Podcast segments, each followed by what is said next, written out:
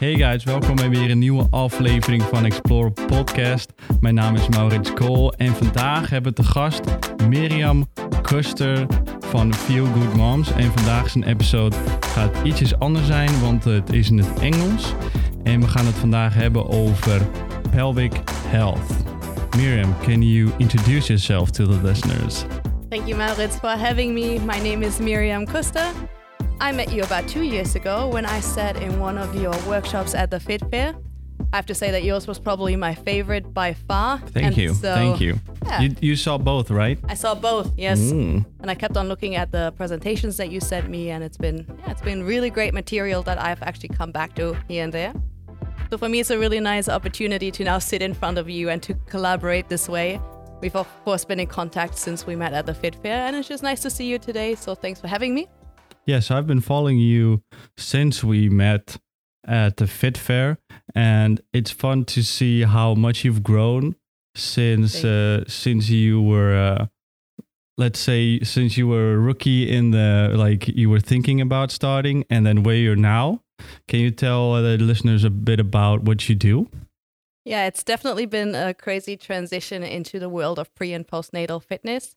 I have been working in the fitness industry since about 2009, actually. I started all the way back then in Australia.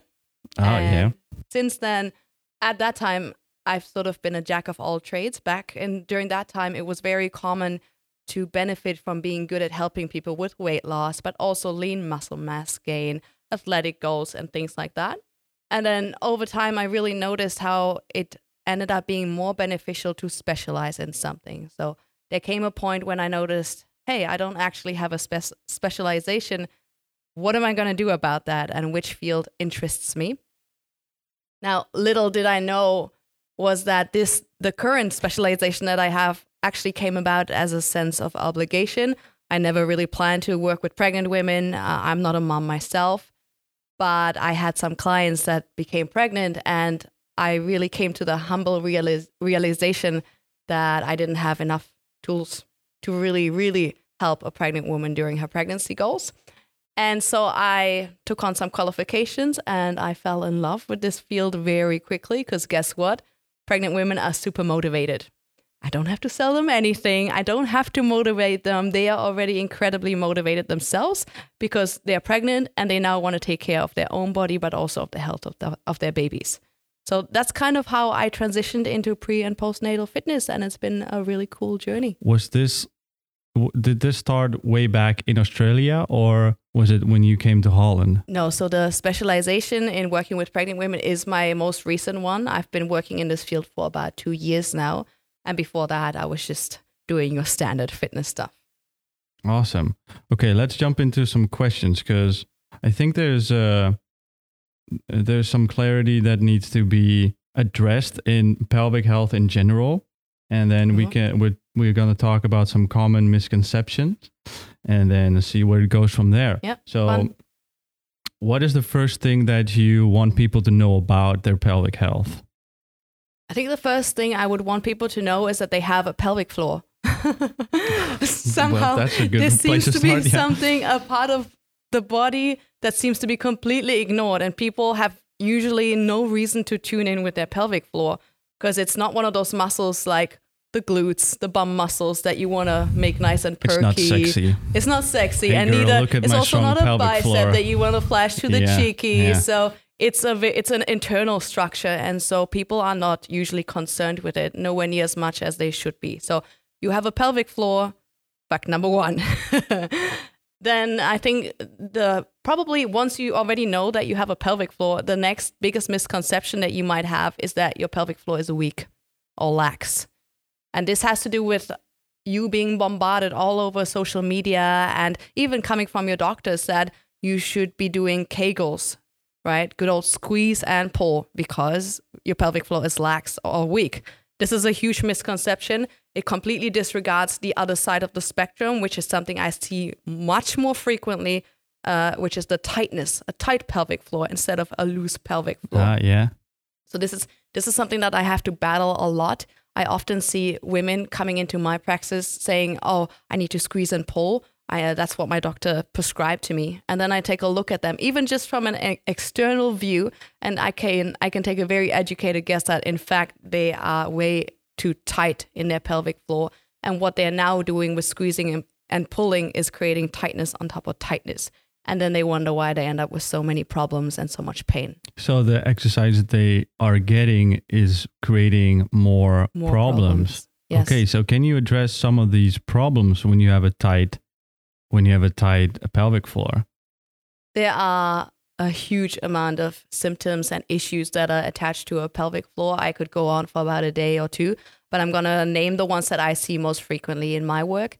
I often see, for example, SIJ pain, lots and lots of it. So that little part, women will come in and tell me, oh my God, I got so much pain in my lower back. And then I will actually have them point them out where exactly they experience that pain. And it is not within the lower back, but just slightly below that. So already in the bum area. And that to me points out right away that it's probably SIJ playing up. So that's the backside. We also have front pain, so around the pubis symphysis, the little bit where the two pelvic sides meet. That can cause a lot of pain due to Yeah. a tight pelvic. So so SI so SIJ is the SI klachten, bekkenklachten, Hmm. Yeah, so lower back pain. backside, yes. And then the the the what did you say the pubis symphysis in the yeah, front. so it's in the front by Of the je pelvis. schaamstreek, zeg Yes, maar. Yeah, exactly. Yeah, yeah. Exactly. and, and this is also for male. Absolutely. So, yeah. Absolutely. So that can cause issues. The pelvic floor is a continuation of your glute muscles. So let's say if you are prone to have a tight pelvic floor, you're also prone to have underactive glutes. Glute muscles that go into hyperactivity that try to match or that automatically match the tightness that is created in the pelvic floor. So again, that then can also cause issues in the same areas we just addressed. Yeah. So the the piriformis, which is one of the Yes. glutes, uh, or has glute function, is also like directly goes Correct. into your pelvic floor, and then can also maybe give you this um, the pseudohernia klachten, Yeah, you know, the true. piriformis syndrome, True. and then you stretch that, but you don't address the the pelvic floor. That might, might be something that uh, Yeah. doesn't get addressed a lot. Yeah, exactly. And then one other thing that's very interesting to note is that the pelvic floor is like the little sister of the diaphragm. So if the pelvic floor is in lockdown due to being overly tight, it directly impacts your diaphragm, which directly impacts the way that you breathe, which directly impacts the way you hold your body and your posture, and it then directly impacts things like tightness in your pec media, uh, in your in your pec muscles, in your neck muscles, shoulder muscles, back muscles. So it just if your pelvic floor is in any way compromised, it just tra- directly translates itself all over your body. That's pretty. That's pretty significant, I would say. So, so basically, when you uh, screen someone and you look at their posture and you see the head tilted forward or they're hanging in their Yes. lumbar with the what did you say the little pouch on the front? Yes, exactly. Yeah, when you have the little pouch, Yeah. then you Yeah. automatically can assume that there might be a pelvic floor problem. So maybe not Yeah. that the pelvic floor is going to be the the the oorzaak, the yeah, the cause. the cause, Right. but it can have uh, effect on someone's health. Yeah. Yeah, true. Um, just like you, I look at the body in chains. So I never just isolate the pelvic floor. It's never just going to be that because, like I just said, if the pelvic floor is compromised, it's going to travel up and down, you know? And I think us as you as a physio or me as a coach, we will probably never be able to 100% pinpoint the cause of somebody's struggles. No, we But- don't have an exact science. Exactly. No. So we kind of look at a body, and I look at a body as a bit of a puzzle piece, and I try to get as many pieces in the right place as possible. And only then do I start seeing improvement. I can never just address the pelvic floor and then hope that everything else will, will fix itself. So it's just one puzzle piece, but it's a puzzle piece that's often overlooked. And it's a puzzle piece that if it is overlooked, then good luck really helping your, your patient, client, or whatever it may be. Yeah, so so you mentioned the the SI joint pain and the low back pain. So so that might be reasons for people to go to a physio or a physician saying, "Hey, I have a low back pain. I need someone to help me." And then they might send you to a back and physio or Yeah. send you to you or a, a normal physio. But there's also some symptoms that isn't pain related, but then can also show that you have a, a weak or a tight pelvic floor. Can you talk about those symptoms? Sure. So when I talk about symptoms, as you just rightfully said, I don't always talk about pain. You can have symptoms like urinary incontinence, for example, which isn't directly what you would describe as something painful, but trust me, it's something highly uncomfortable, especially when it's in any way hindering your daily life, your activities, or your workouts and things like that. So, urinary incontinence is something that is directly tied to pelvic floor health. And then when Can it- you go into that a little bit more? So it doesn't mean that you pee your pants the whole time, but No. it has different uh, symptoms or grades that it comes Yeah. in. Yeah, absolutely. So you have some cases where you might do a workout. I'll link it first to that. And you do the golden classic double under. So Yeah. jump roping twice over the rope and you find yourself losing urine then. Or it's also quite common, for example, in box jumps or let's say a thruster, things like that. So it can happen in that setting, but it can also happen in more daily activities, such as you having a good old laugh or a sneeze or you're having to run after the bus or things like that. So it's it's unfortunately something that creeps into life quite frequently.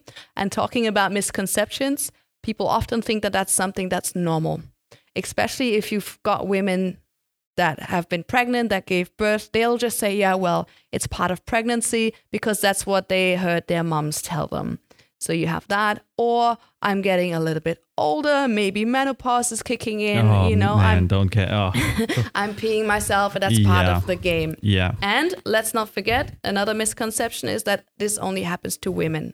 No, this happens to. That is not the yeah, case. no. Exactly. Um, of course, I don't work very much with men, but in the past I have. And I have had a couple of cases where men did express to me that they were struggling with this as well. And when I spoke at the Fit Fair last year, I actually had people put up their hands if they have ever experienced urinary incontinence. And there were only five men in the class, and two put their hands up. Yeah. So that's quite significant. Yeah. Right. So so when I was reading into this subject in in preparation, then the first thing that you read that it's not just women, male have it too, men have it too, Absolutely. and it's they don't they don't seek help until it's a big problem, Yes. and that's a big problem because your pride. Uh, your pride is standing in your way of having good Yes. health. So, so uh, for men listening, if you have th- this these symptoms, then maybe have that checked out. Absolutely. It's not normal. Yeah, that's a really good. And I think another really important point to make is that people are usually unaware that there are services they can go to specifically for these type of problems. When it comes to a physio, I often hear that people never knew that a, a back bottom, a pelvic floor physiotherapist even exists. So then if you have a problem and you don't know which service to go to, do you go to a urologist? Do you go to your your normal doctor? Is there even a pelvic floor physio for it? So I think we need to really get the message out there that there are people that specialize in this particular part of the body. And when it comes to being a physio, unfortunately, as you know, this is not a huge part of your curriculum, the pelvis, right? No, so no. yeah, this is also where we come in and we build ourselves a strong network and help people with referrals, send them to the right people to get that looked after. Yeah. Yeah. So, so you haven't worked with men that often. No, not really. I stopped working with men uh, because they got a little fond of me too often, and I decided that I really, you know, I wanted to keep uh, stay within my professional role and and not go there, and it started to bug me a little bit. So Yeah. I figured working with women was just a lot more appropriate for my own well being Yeah. and peace. Can you go into the the road that you take with with women that um, you start off when they know that they're pregnant through their pregnancy? Now you said you were going doing a course for the what did you call it? What's it A called? doula. a doula. Yeah. So that you sit through the pregnancy with them when Yeah. they're giving birth, yeah. and then you train them postpartum. Can you talk us through that process? Yep. I'll talk a little bit about what type of timeline I usually work with. Um, that's interesting. What I find is that women tend to start showing up at Feel Good Moms once they are showing a little bit of bump. Before that, even though they know they're pregnant, they feel like they don't belong to this demographic. And so they, they stay away and stick with their normal fitness routines. I wish they would come a little earlier. There's definitely room for that because there is so, so much to learn. So the longer time we have to, uh, to us, the better. But I do see them around maybe, let's say, week 12 or so. And then they tend to stay with me throughout the entire uh, time frame of the rest of their pregnancy. So that's really fun. Wow. Yeah. I often still have women on the floor with me in, in week 40 plus even. Yeah. Wow. I have to say that's not always the case. Sometimes women make just a, a decision to take it a little easier in the last few weeks. And I definitely applaud that because I'm a huge fan of them tuning in with their own well being and their own body and just listening to what their body is telling them. Sometimes I do have issues like a shorter cervix uh, where it becomes a very medical situation and they are told really not to exercise. I respect that, of course, as well. And sometimes something like severe SIJ pain does restrict movement. And then the classes just become a lot less fun for the moms. And so they stop at around maybe th- week 36. But there's a huge range. And more often than not, I see them really stay with me throughout the end. So for the clarity, Yeah. they still they train with you Yes. till week 36 Minimum, yeah. mi- minimum. Yeah. Okay, so um, can you can you elaborate a little bit of of what can pregnant women do to what extent while they're still pregnant? Because I think there's a still big misconception and not enough information about what can women still do during their pregnancy. Should they stop using weights? Till when can they use weights? What exercises can they do? High impact, no high impact. It's all over the place. Right. If I give you all the details to that, you're going to have to pay me. but I'm going to start off with some very general basic guidelines. Yeah. Uh, and those state that a woman should do 150 minutes of moderate intensi- intensity exercise per week. So that's about three training sessions a week, if you want to break it down yeah, like that. yeah. Moderate intensity. So we're Through not the talking. whole pregnancy. yes, absolutely. Yeah. Okay. Now, of course, throughout your terms, things change, right? In your first trimester, there is a good chance you're going to feel pretty miserable due to being nauseous and just lack of energy, not wanting to do anything. I often see that. So I don't force anybody to come in. You know, I always say whenever you feel like it, then you come in. Then in the second trimester, we have usually a big burst of energy. And this is where we can really, really train. And I'll get to what type of exercises we do usually in a moment. And then in the third trimester, you, you usually see a little bit of scaling down, kind of taking it slightly more easy until then the big moment comes about. What type of exercises do I do? I always, as a fitness coach, I love to base everything I do on functional movements that are going to help you in your daily routines, right? When you when you're carrying a baby and the baby drops their pacifier, their their what is it called in Dutch? The uh, um, Dummy in dummy, Yeah. you uh, know the thing they yeah, suck on yeah, that yeah, one you're going to have to squat and pick it up right so i make sure that there are plenty of squats involved plenty of hip hinges involved plenty of lunges pushes pulls things like that now there isn't a huge difference maybe to to that and what you as a normal coach or physio might might do with clients but i do so with whilst looking through goggles of a pre and postnatal coach so I also consider the function of the pelvic floor in these movements. I consider how they are breathing in these movements. I consider how they are coaching themselves as an athlete. There's a lot of mental coaching that I have to do because these women are, some of these women are huge athletes and they want to go full force, high intensity. So there's an element of mental coaching as well.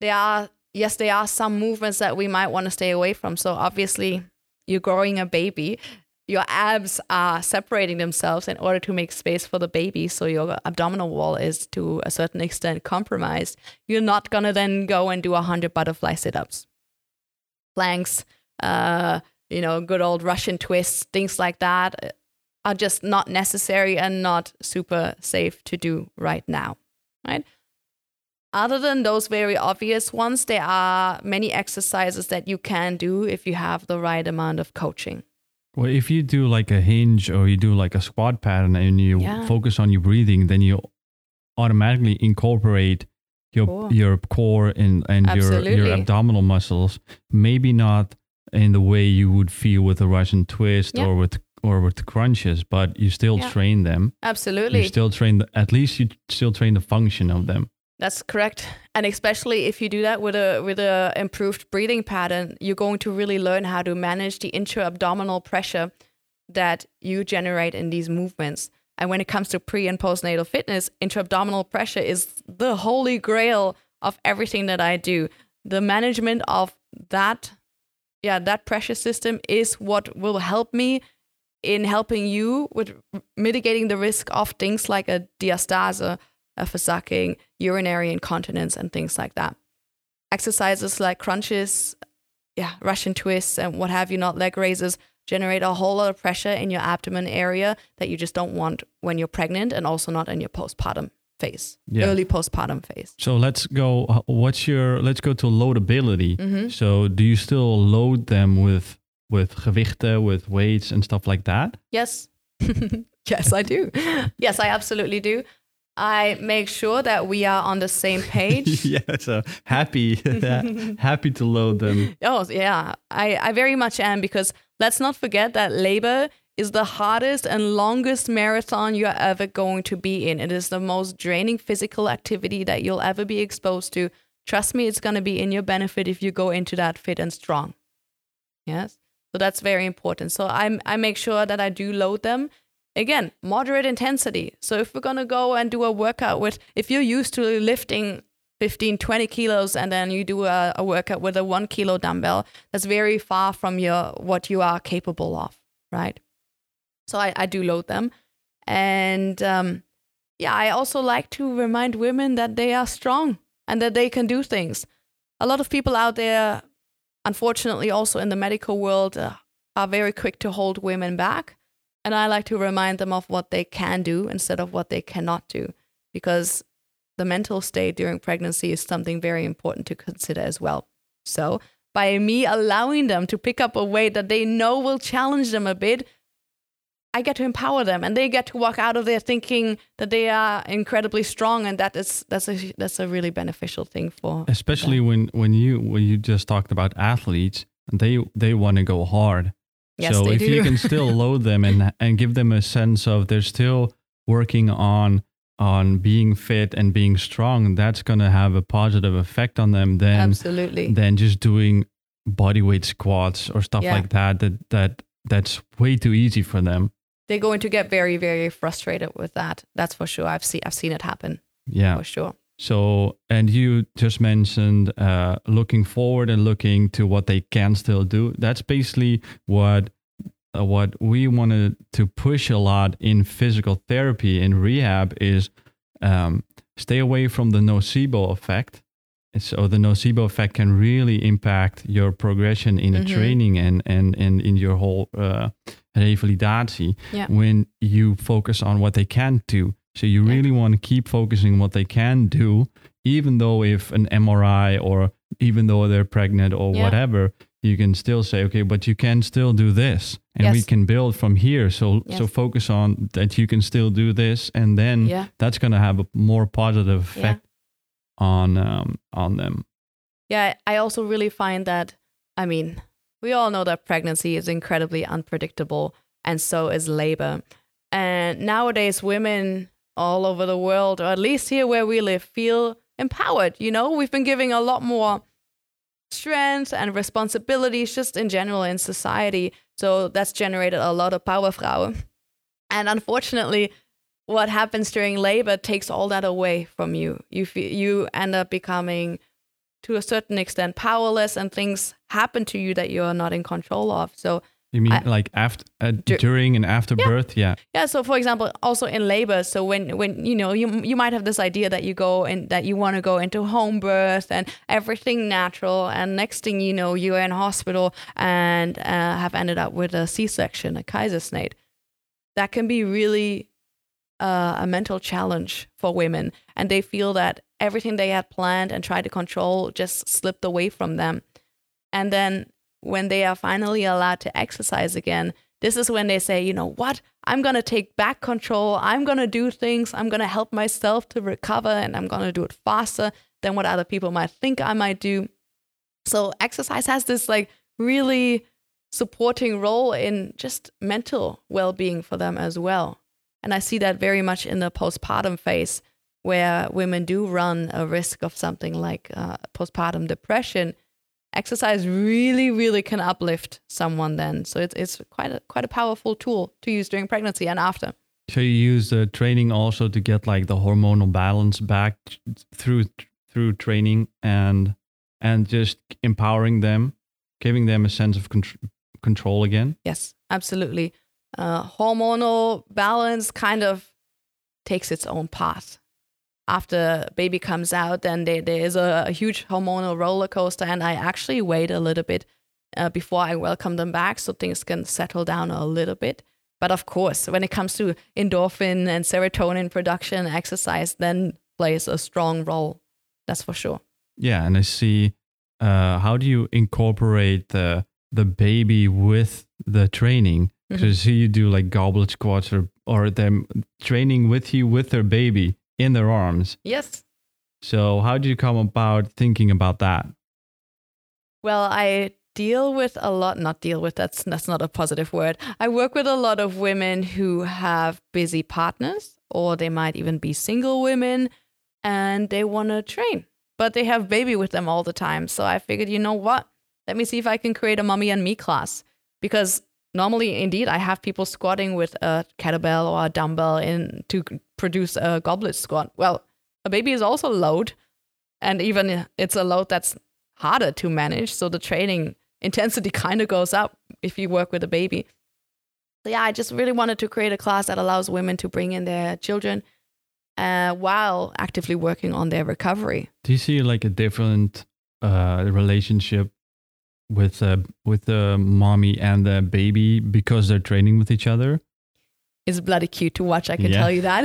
yeah, I've yeah. seen the videos. Yeah. It's it's very cute. It's a it's a moment for mama and baby to bond. Usually the babes are still very young because I, I like to invite women to bring in their babies when they're not necessarily necessarily crawling all over the studio and touching dumbbells and having them fall on their fingers and toes. So usually the babies are still kind of just laying there, and then I'll have them do exercises where they get closer to them and then the babies get all super excited and they might do lunges and squats with them glute bridges where the babes are on top of the mama as they push up their hips and yeah it's, it's very cute and then there's also of course that element of socialization because other moms are there with their babes and everybody is like oh my god how cute is your baby type thing so it's a really nice class. It's a lot more chaotic, uh, that's for sure. There's usually puking and crying and peeing and breastfeeding involved.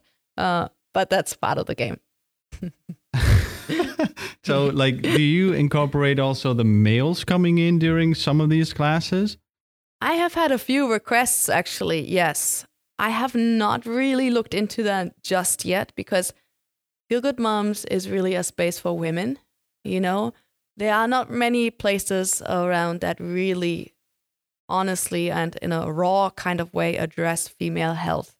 Because guess what? When it comes to working with pregnant women, I do have to talk about vulvas and vaginas and anuses and all these type of things. We we do go there, you know, and it can get often very emotional if you are a woman and dealing and are dealing with something like a prolapse in Dutch verzakking, ja toch? Yeah. Uh, that's not easy to talk about, right? The way that you once looked is different. Um, the way that you feel about your yourself as a woman is different. The relationship with your partner might be impacted and sex life might be impacted. So I could welcome men. I think there's room for that. And I think it would be really nice for the men to work with their babies as well. But, you know, I continue to be on this path of really, uh, yeah, welcoming females to open up about certain things. So yeah, you want now, you want to create a, a safe environment for yes. them to talk about it. I yes. can, yeah, I understand that. Yes. But then you just talked about the the really creating a mama uh, and uh, with mama baby child a moment. And then it, it like i think it's also important for the men to understand that that's that's important for them to invest as well to create that connection with their child. Yes i agree. Because men men don't get that um um long of a what you call it zwangerschapsverlof. Yeah, so women yeah. get how many Paternity weeks do they leave. get paternity leave? How many, how long do women get? It totally depends. It depends on whether you are ZZP'er or in loondienst, so it, it changes uh, across the spectrum. But no, men, even in some instances, don't get any paternity leave, unfortunately. And you're totally right. There's lots of room. There, there should be something for men because it can sometimes happen that the men feel a little bit left out, especially in the first, in that early phase once baby has arrived. Mama is busy being the vessel, the, the food factory for baby. And, you know, baby is just craving mama's attention just for the food, essentially. And then Papa still has to kind of like live with the fact that he too doesn't get to sleep. Yeah. And things like that. Which is hard when you tough. still have to like you just said some men don't get don't get a leave. Yeah. I mean, I get people um men that come with like stress um, complaints to me to the practice before before their wife gives birth. Yeah. And then eh, I was talking about this uh, in the before we started uh, recording. Yeah. And then, then I see them, I don't see them for two, three weeks. And then they come in and they're just like a wreck. exhausted. Yeah. Exhausted, not sleeping. The baby's crying. They they're taking uh, extra care of their wife, but now they have to go to work, and now everything yeah. is hurting, and they can't train. So I I can imagine that if you don't get off, yeah, uh, if you get, don't get paternity leave, that's going to be really really Very tough, tough for you. Yeah. And then it's almost like having to go through all of that for no reason in a sense you know the woman has to go through it because she she is uh, the person that's feeding and, and nurturing the baby and then the dad yeah kind of just tags along and let's not forget that when a baby is born a mother is born but also a dad is born the person that he was before the baby arrived is no longer there you are a new person you're now a father so is also um, a shift in who you are and what your sense of identity is. So that has to that plays a role as well. That can be tough. Yeah, you talked about the postpartum depression and then maybe athletes or people that have a certain identity. Uh, um, so let's talk about the athlete. For for example, right. the athlete's identity can be I always train after work five days a week, beast and now mode, yeah. Uh, yeah, beast mode, and now I can't train anymore, and that whole identity is is Yeah. is lost. So how do you how do you manage that in in the postpartum uh, phase? That is a really good question and a really tough one. It's an ongoing battle that I face. And I understand it because I'm an athlete myself. I've always done sports all my life. I, I'm German, and German parents like to, you know, bring their children to sports as soon as possible. So, you know, I was in swimming, gymnastics, horse riding, track and field, basketball, soccer, everything you name it, I've been doing it. And so I understand when you have a, a sense of identity that's very much tied to you being a sporty person. And when you then, let's say, go through a tough labor and ended up with a keizersnede or vacuum or, or things like that, then that can directly impact the your time frame of being able to return back to fitness.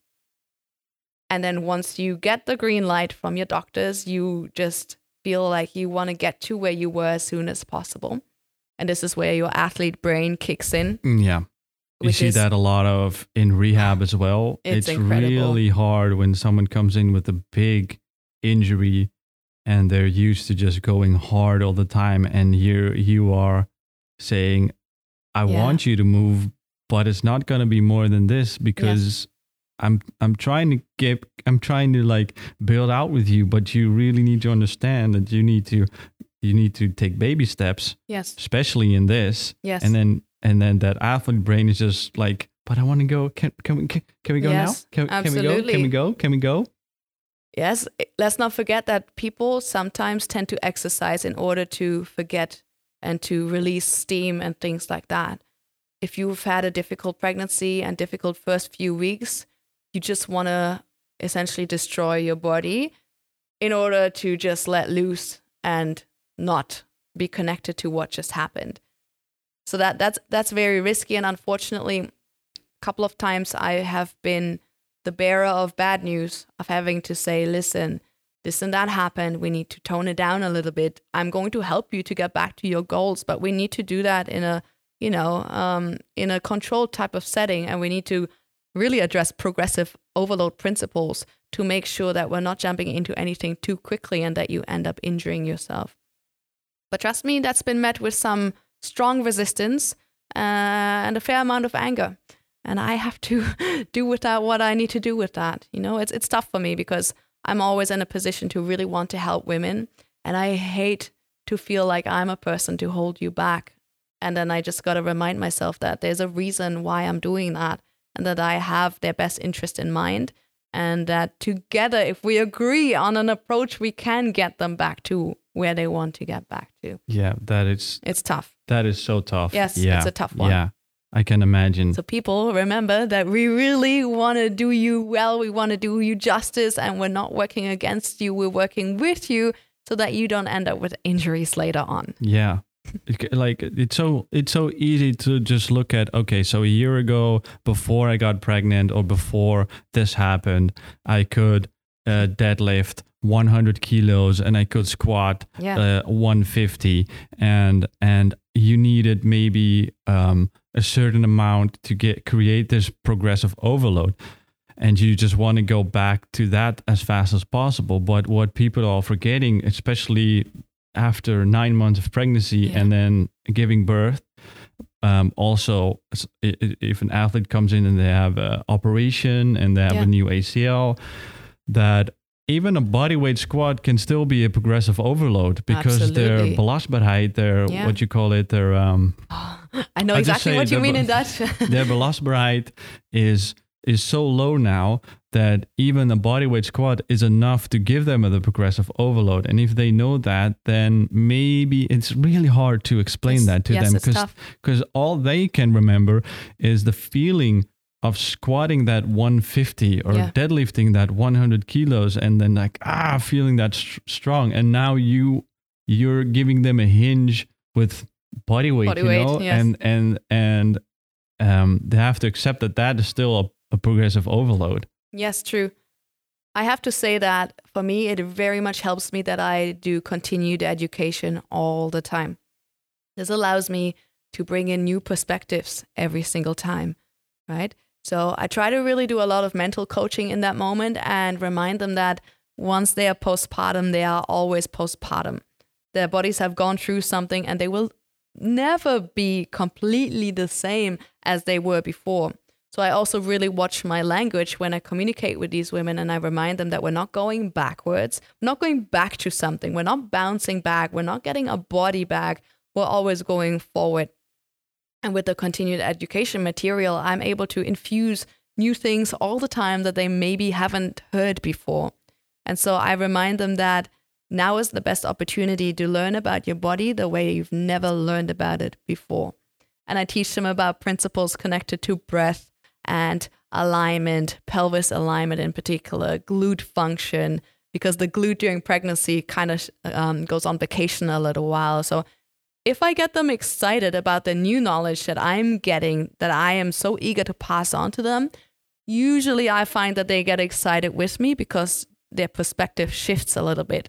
And I remind them that everything that we learn right now in the postpartum period is something that remains incredibly applicable for their future CrossFit workouts.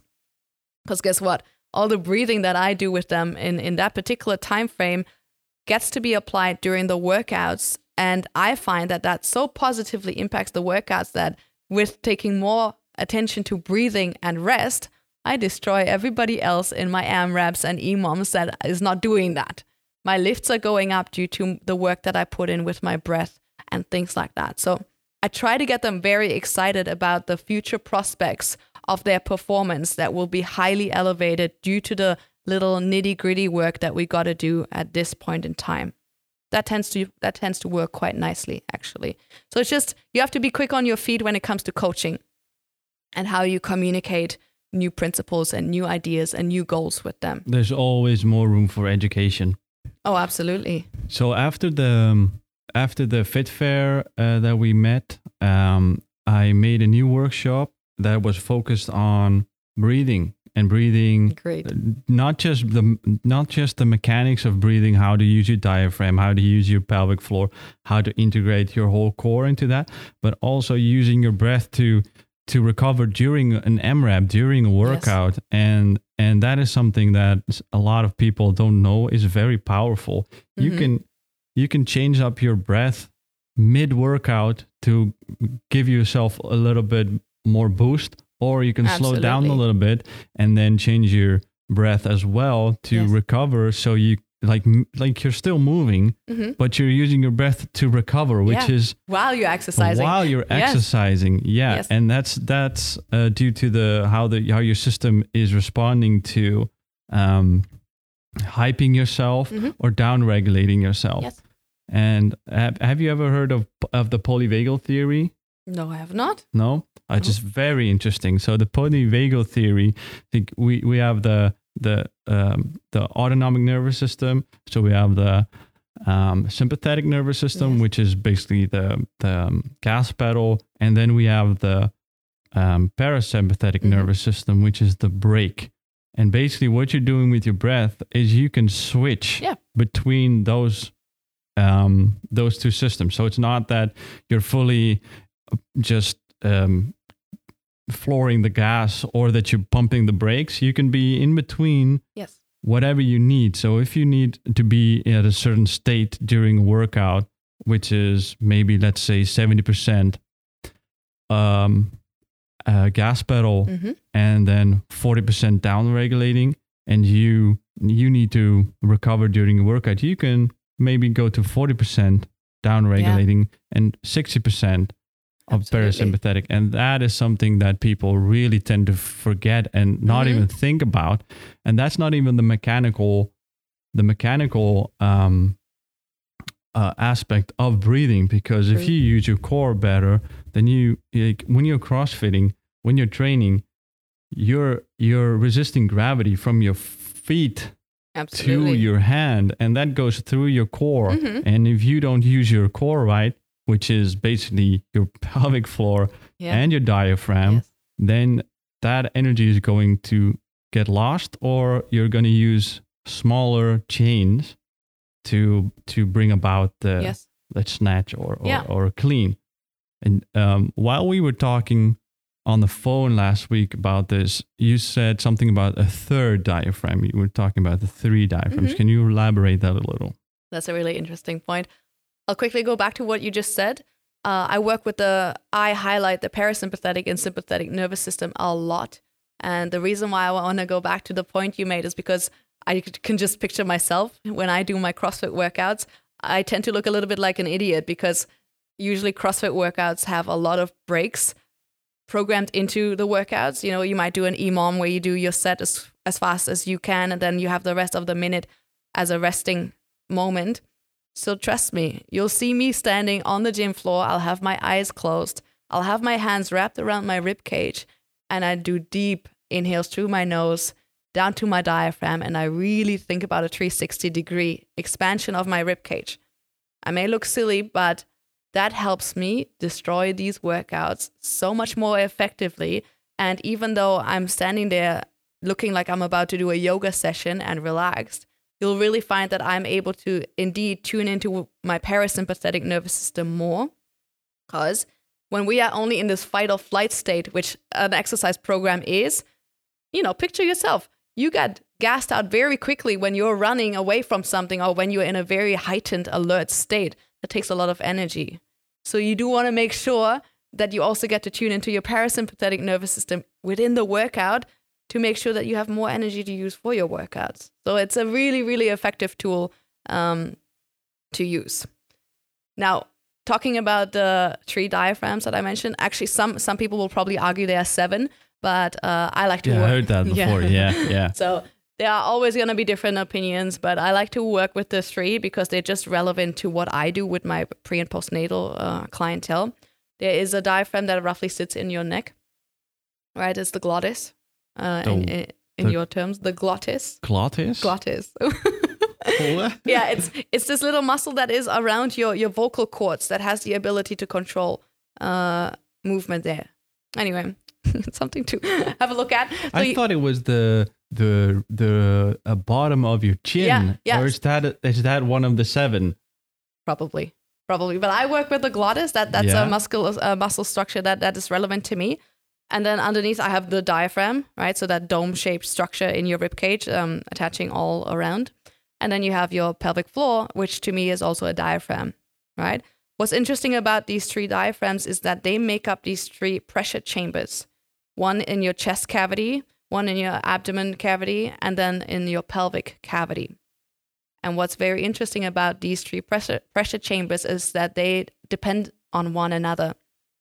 So if we tend to have a, a posture that is very slouched over, shoulders rolled forward, upper cross syndrome type, that pressure chamber is kind of squeezed. It's, it, it no longer has enough room. So then it tends to press downwards on the abdomen canister. That again then presses downwards on the pelvic floor canister. So And then you get like this really tight yes, diaph or uh, pelvic floor Yeah. pushing up. Then we just have a situation where the pressure isn't as managed as effectively as it could be. So this is why again we need to look at the body in chains and we need to address every single piece because if one piece in our upper extremities or in our upper part of the body is impacted, it will translate downwards. So this is why when I look at the upper chamber, I make sure that the breath comes in nicely through the nose, but that there also isn't much tension in the neck muscles and that the face is relaxed and posture is decently aligned. Things like that. So this is how I consider different diaphragms and alignment. So the funny thing that you mentioned now about the face is going back to the polyvagal theory. Mhm. Is the theory is we have a vagal nerve, so the nerve giving vagal. function to the parasympathetic nervous Mm-hmm. system, and then you have um, the the sympathetic nervous system, so that's mobilizing, and Mhm. then the parasympathetic nervous system is down regulating. But the polyvagal theory goes a step further and recognizes that has two subsystems. So the one system is going down to your gut, Yeah. so going to your diaphragm and your pelvic floor, and the other system that is more recent uh, system uh, developed in mammals, especially from apes upwards, and that goes into your vocal cords, your There we go. facial muscles, and if you use that, that can also give uh, or impact your parasympathetic sympathetic nervous system. So that's Right. um, so he also uh, sees another subsystem, and that's your social engagement system. So if Interesting. so, if you let's say we're recording this now in the lockdown, and a lot of people are in lockdown and, and aren't socially engaged, that can be problematic for their health because just talking, using your vocal cords, using your facial Yes. muscles, laughing, Yeah. uh, uh, sends signals through the system and also helps you to create a more uh, they call it vagal tho- uh, tone so the better your vagal tone the better your body is in down regulating Yeah. or regulating when you get hyped so when you're stressed the whole time you lose your vagal tone I can imagine that. yeah so so also the the chord that you just talked Mhm. about is very very important because like just what i just said so these diaphragms they're all parasympathetic Yes. so they all need to be in alignment and also need to be trained Absolutely. during the workout as well Yes. you can't just Especially during the workout. yeah yeah Yeah. Let's not forget that that inner core unit consisting of your diaphragm, pelvic floor, transverse abdominis, that's a huge core stabilizing unit. yeah So trust me, when you have those rocking, as you do your inhale through your nose, your diaphragm contracts, moves down, creates more intra-abdominal pressure, which then helps you stabilize your spine. So this is how quickly you can link a good breath mechanic to a really killer workout. I, for example, a good example is a, a lunge. Let's use a dynamic lunge, front step out. How often do we see people wiggle like crazy Yeah. and almost fall all down? the time What are my two cues? Cue number one is to create a little bit of space between your feet so that you have a wider stance. But the more important cue after that is inhale through your nose, try to tune in with your diaphragm, let it contract downwards. The more it contracts down, the more pressure you generate, the more stable you are. It's a very quick I'll- fix. I'll- it helps a lot. i'll try that one uh, Yeah. Yeah. So connect your breath to your movement and you will see that's going to help you significantly. The funny thing about that, also the posture and the head position during breathing, is how many people have their head cocked forward like this.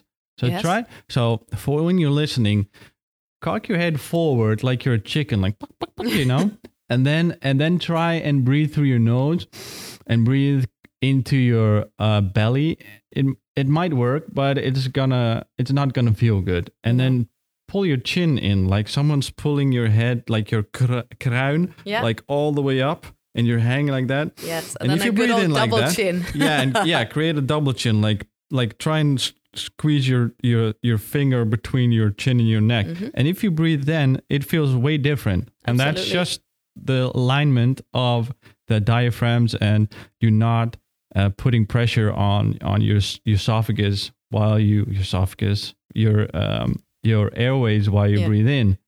Um, so you you talked about the pressure on the pelvic floor. Mm-hmm. So how do we translate that to athletes that that lose urine during, let's say, a double under? What what's the mechanism that goes wrong there?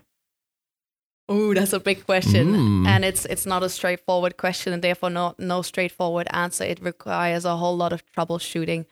Um, I am also somebody who suffered from that, mind you. I'm not a mom, so I don't fall into that category. But me too. I've had my moments where I did my double unders and lost urine uncontrollably. Not a whole lot, but a little bit, uh, and even that little bit is too much. Oh, there are so many things I'd have to look at. I definitely look at the way um, a CrossFit athlete contracts their their core, how frequently they they hop into Valsalva maneuvers, so that really tight bracing of your abs, where you take an inhale and almost as if you're about to dive, and you brace your core, that type of thing. I would have a look at how often they're doing that.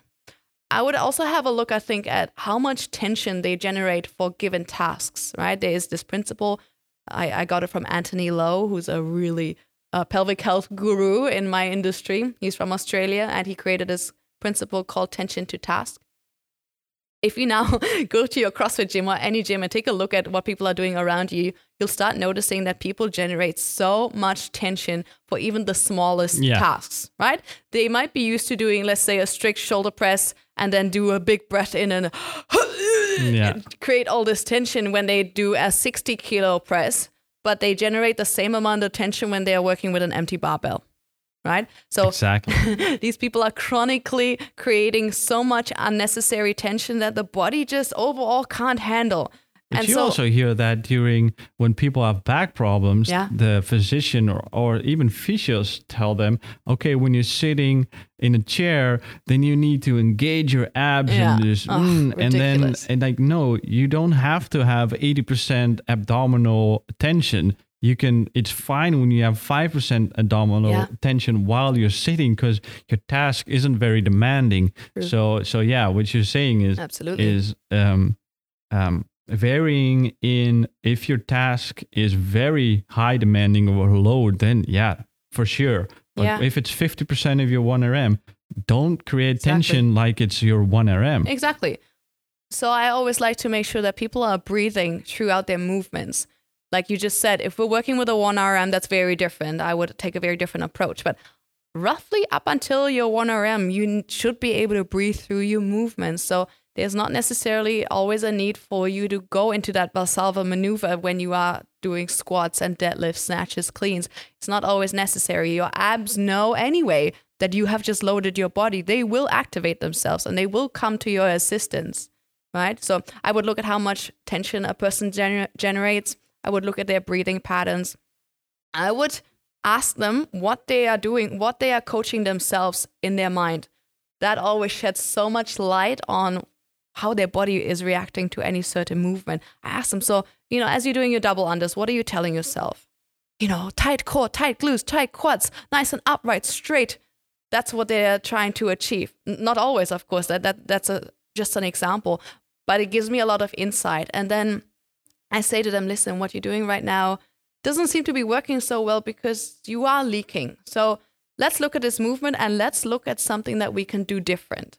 And for a second, forget about everything that you've heard in terms of technique and coaching, what the coach has told you how to do this, because it's not working for you. So look at the movement, tell me what you could do different. Things like sometimes I tell them as you do your double unders, pretend you're a fish. Pretend that you are that sloppy and so loose that you are like a floppy fish. And then they do it. Eh, and sometimes that can really help and they no longer have symptoms. Or I might tell them to do a forward lean.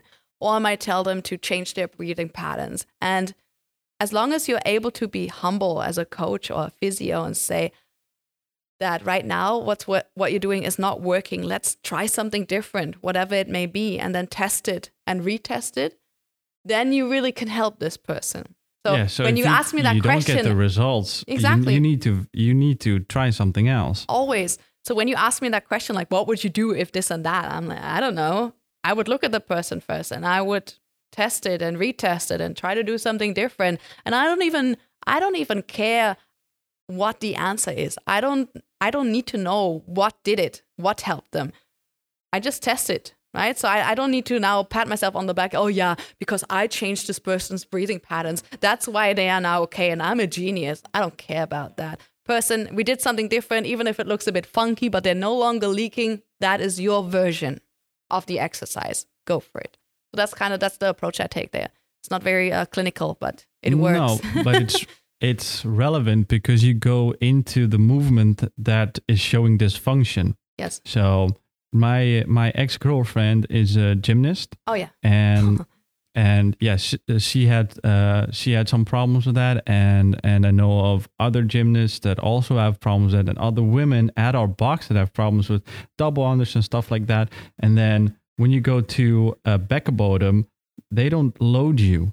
no They don't look at that movement. They just look very specifically at at your back bottom and in a um, supine position mind you. as yeah as well. And then maybe maybe uh, like if you have if you have trouble with in in uh, uh, urine your uh, Urinary incontinence. yeah exactly. If you have a problem with that in your daily life not Yeah. loading then maybe that can work. But you also always have to go into loading yourself and learning how to breathe during a movement like that so absolutely so how would you go about with an athlete that uh, so not especially double unders? How Mhm. would you load that?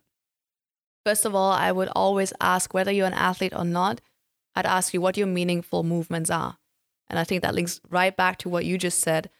Physios, doctors, they don't consider what movements people are getting busy with, right? So by me asking, what would you like to do without symptoms? Then I know what I need to be addressing. There's no point in me doing just supine, laying down on your back assessments when this person is looking to do double unders without having symptoms. What would I do with somebody that is in a that wants to achieve athletic performances? Same thing, troubleshoot. You know, have them go through the movements, have them show me what how they're doing it currently, then have them tell me how what they're coaching themselves, what and where they've learned it. That's often interesting because sometimes they are under huge amount huge amounts of pressure because their CrossFit coach is right in their face, coaching them a certain way, and they feel the need. They feel that they cannot do it another way. So I just open up the way that they can look at movement, and that already does uh, huge amounts for them.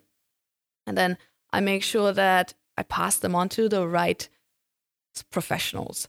I make sure that I meet physiotherapists that specialize in this world and that the physio and I are more or less on the same page so that we can take a nice holistic approach and help this woman or athlete in general out that way. Yeah, so it's it's a whole lot of mental coaching. It's a it's a whole lot of reminding them that there is no perfect movement and that there is no perfect posture and that movement as a whole was created by men, by humans. You know, we decided one day that because we're no longer moving very much, hey, let's create exercise. And this is how you do a squat, and there's no other way you can do a squat. And I like to challenge that. There's uh, a hundred different ways you can do True. a squat. But if you are as a if you are a personal trainer and you are you know especially when you're quite new and you are so reliant on the textbooks, Yeah. then you're very much stuck. And yeah. then I then learned that this is the squat, and Yes. then feet doesn't need to.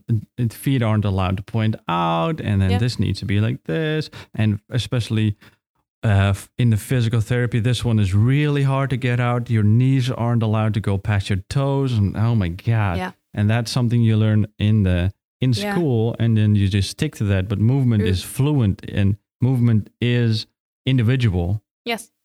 And there is no right or wrong movement. If you can move a certain way, then you're supposed to. If you can move with your knees caved in, then you're supposed to. Should you do that all the time? No, because your next posture is your best posture. Yeah. So indeed, keep fluent. And one of the other things that is also incredibly relevant to to female athletes is the state of their pelvic floor. So you just spoke about your ex-girlfriend who's a gymnast. Already uh, in my question in my intake questionnaire I asked about I ask about sports and in particular there are certain amount uh, certain types of sport that are sort of these red flag sports and gymnastics is one of them. High impact. High impact but also high tension sports as a gymnast, you have to, in order to flip around things, I used to do gymnastics as well. You need to do, like tighten up your entire body in order to fly through the air a lot lighter. So, um, people that do gymnastics create a whole lot of tension all the time. They create tight core muscles all the time and create downward pressure onto the pelvic floor all the time. So, especially with people of, of gymnastic backgrounds, uh, I, I very much emphasize that they, first of all, have a pelvic floor and that is probably a, hypertonic pelvic floor, so overly tensed all the time. So, usually, the people that are doing high impact sports hugely benefit from something like meditation and calming down and things like that. So, I try to pro- program that into their workout week uh, and I'm usually faced with a lot of resistance to that because they are the go, go, go and action people, unfortunately. So, again, a huge amount of coaching involved in that and education to have them understand the why. Because if we if we just say to them, yeah, you know, do some meditation, and I'm not going to really tell you why, then they're never going to do it. So yeah, that's, that's another some, element. Something we talked about in in previous podcasts is um, always just wanna wanna focus on the output. Like everybody, or not everybody, but everybody can move and and and train. But l- look, for example, top sporters like yeah. like Olympic athletes. It's basically their job, and the job is not just the outputs. Their job is to regulate the input so yeah. they can recover faster so they can work out again. Absolutely. So if you don't look at the inputs and you don't look at sleep, meditating, or or giving your let's say your parasympathetic nervous system some love, then the down regulating part isn't gonna be as efficient as it could be. So that means you you're not gonna make the progression that you could be making yeah. when you give it some love. Yeah, that's we, very true we it's time is up. It's already no! an hour. So have you? it's been did, so fun. Do you have any finishing thoughts that you want to share? You have a pelvic floor. you have a pelvic floor. Men, you guys also have a pelvic yeah. floor. Give it some attention. Yes, and leaking. Health over pride. Health over. Oh hell yeah! It's so cool to actually know about your pelvic floor because that like we said earlier that directly translates into your performance as a crossfitter as a martial art fighter whatever, it may be. Um, and let's open up this conversation. If you are a physio or a coach and you're working with women and they you know have the guts to tell you about it don't pull f- funny faces don't get shy. We all have genitals. We need to really open up this conversation. And if you're a physio and you never hear about these type of things you can safely assume that your patients and clients have problems there. You might want to allow them to open up about this. And you might want to just remind them that, yeah, that you're open to talk about these topics as well. Because if you don't, you're doing them a huge injustice or disjust, disjust, in, in, injustice. In, injustice, right? yeah. Because you're missing a huge piece of the puzzle. Yeah. So if you're a physio or someone that wants to talk about pelvic health with you, where can they find you? Uh, they can find me on www.feelgoodmoms.nl uh, or on Instagram. that was so corny. I sounded really American. or on Instagram, just at Feel Good Moms. Uh, I'm also on Facebook, but I tend to use that a lot. Yes, a lot less. Uh, super happy to answer questions. We kind of kept it a little bit more general today, but I think that's nice to open up this topic and leaves room for maybe continued uh, future definitely, episodes definitely. to get a little bit more technical. Yeah if you do want to apply some direct skills. I'll give you one last thing. I think that's nice. Something practical. We spoke about that. Is that all right? Yeah, sure. Um, Go ahead. Just a really simple way in which I start addressing breathing. I have somebody sit on a chair. I'll ask them to just give me a deep inhale, exhale, and I observe them. So I do this without giving them any cues or hints. And then I'll look at them. Usually I'll see rising chests and shoulders uh, and very tight neck muscles. I then ask them to take their hands and wrap it around their rib cage. So with uh, four fingers in the front and the thumb looping around at the back. So now you are hugging on the sides, and I ask them to inhale through their nose and try to expand their rib cage while shoulders stay down, Maurits. Oh. I see Yeah. you. Good. So you inhale through your nose and you lightly exhale through open lips through your mouth. Already, that's very difficult. So when that's difficult, I have them try to do that laying down. And if that's working out, then I ask them to flip their hands so their thumb wraps around the front of the rib cage and the fingers the back. And then I ask them to try to breathe into their back muscles. Inhale through the nose, exhale through the mouth. And that one is tends to be a little bit more tricky to achieve. But if they are able to achieve it, then I connect all four. So I will go inhale through your nose, expand through your chest and your belly. At the same time, expand through your rib cage sidewards and into your back. That is a 360 breath. And if you are never going to learn anything else from me, then let that be it. It's an awesome tool to help pelvic floor health and also to monitor your parasympathetic, parasympathetic nervous system in relation to sympathetic. I was just gonna say I'm feeling. hmm, feeling so we can stop now. Yeah. Thank you for your time. Super Hit her up Thank you. at Feel Good Moms uh, on Instagram. If you're not following us yet, go to at Performance Physio on Instagram, and uh, we'll see you with the next episode. Thank you for your good. time. Thanks, guys. Bye bye.